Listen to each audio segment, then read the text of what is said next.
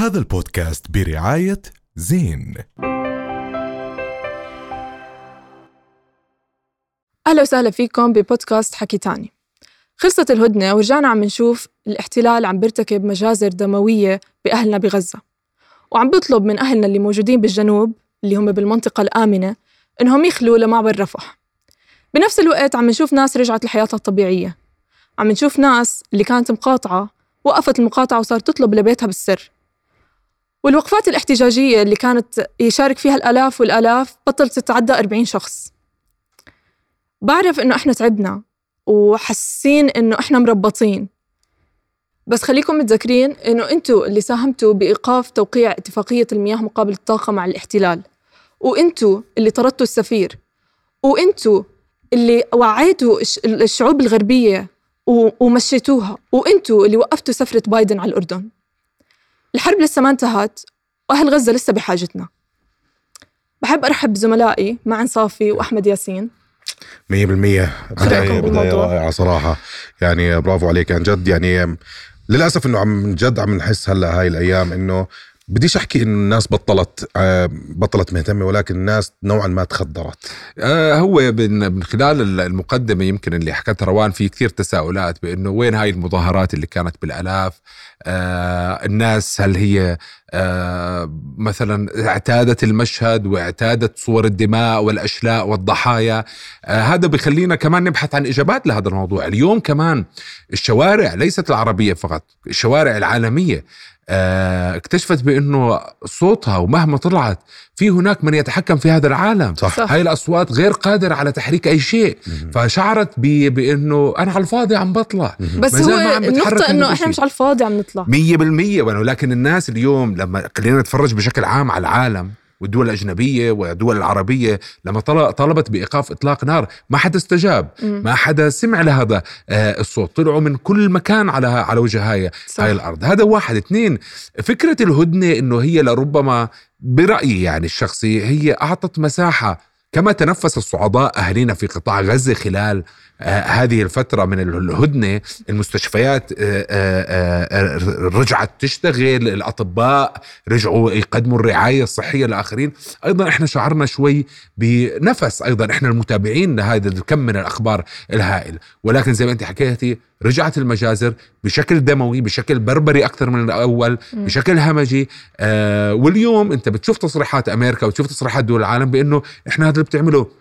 دولة الاحتلال مش جريمة حرب. هذا اللي بتعمله مش إبادة آه، جماعية. الضوء الأخضر الدعم الغير محدود ل آه، هلا هذا كله كلياته اللي عم نتعرض له إحنا. بتخيل اللي هو خارج قطاع غزة كل الناس عم بيمروا بنفس هذا الشيء هذيك اليوم كنت عم بقرأ آه، شيء عنه. هو في متلازمة في في زي متلازمة اسمها فقد التعاطف هيك اسمها اللي هي أنت بما معناه إنه قد ما كانت التروما أو الحدث ضخم جدا فأنت هاد بخلي عندك إنه التعاطف تبعك هلا أكيد موجود ولكن تفسيرك له بصير مختلف. وكما حدث في وقت مستشفى المعمداني الجريمة الكبرى اللي كانت في نظر كل العالم الجريمة الكبرى بعديها ما حدث إنه أصبحت المجازر طبيعية صح. مجازر جبالية مجزر يعني فخلت المشهد طبيعي. فانت أنت عشت ال خلينا نحكي المجزره الكبيرة. بس يمكن برضه القمع القمع كان له دور الناس هاجت وقت المستشفى المعمداني. ما هو. الناس هاجت بس كان في قمع. فالناس إنه لا إحنا مش قصدنا نخرب إحنا مش قصدنا إنه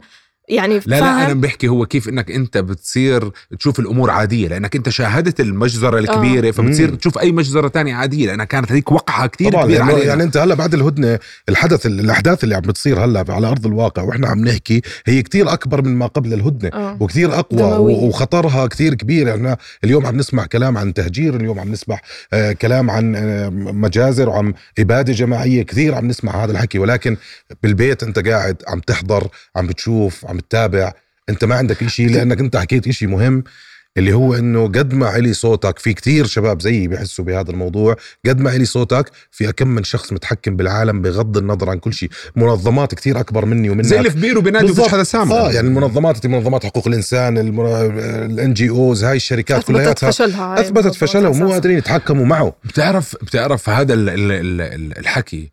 آه على فكرة في ناس يعني في أدباء ومفكرين ومؤرخين عرب و آه، في, شخصيات. يعني شخصيات كبيرة جدا م. اليوم عم نشاهد لها فيديوهات على مواقع التواصل الاجتماعي. هلأ دائما معروف من يقرأ التاريخ يفهم الحاضر يعني بكل معنى. هدول قرأوا التاريخ وفهموا حاضرهم في هذاك الوقت وحللوا وأعطونا توقعات وتنبؤات المستقبل.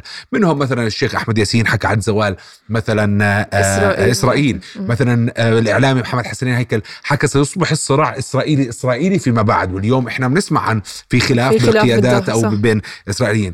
آه، عبد الوهاب المسيري حكى لك الذي يدعم إسرائيل بشكل كثير كبير هو الدعم اللامتناهي من أمريكا أمريكا والخذلان العربي في مرحلة معينة. هذا هاي الفيديوهات كانت سابقة عصرها وكانت تعطينا مؤشرات عما يحدث اليوم. اليوم هي صحوة بغض النظر كيف تنتهي الحرب. اليوم لازم نتعلم. إحنا زي كنا قلنا 20 سنة كنا في غيبوبة 30 صحيح. سنة إحنا مش حاسين بشيء اليوم م. الكل وحي. شو اللي عم بيصير؟ وهذا بسبب إنه أنت اليوم لا أرى لا أسمع لا أتكلم. المنظمات آه، الحقوقية والإنسانية آه، آه، جامعة الدول العربية. مش وين طب يا جماعة؟ وين وين أنتم من, ما من اللي بتشوفوه على الشاشة هو يعني إذا بيلخص كلام كل هذا الحكي هو خذلان. يعني هو شعور بأنك قهر. مقهور على ما في خذلان عام. يعني أنت تربيت طول عمرك على مسميات كثير كبيرة مختصة في العرب ويعني أسماء وأشياء كثير كبيرة وأبطال وقصص وتواريخ. اليوم أنت قاعد مربط مش قادر تعمل ولا أي شيء لأسباب إحنا واللي ورا الشاشة بيعرفوها. وهذا الإشي محزن جدا إنه يعني إحنا شباب بأعمارنا عم نمر فيه وعم نشوفه ومش قادرين نعمل ولا شيء وكمان تاكيدا على اللي حكته يمكن روان في البداية إنه آه، كمان الموقف الرسمي آه، الأردني والموقف الشعبي. كانوا موقف آه، رهيب ومهم آه، جدا. اليوم لما إحنا طلعنا وحكينا عن اتفاقية الماء مباشرة استجابت طبعا موقف الرسمي وكمان هذا موقف مشرف أيضا. رؤيا بودكاست. هذا البودكاست برعاية زين.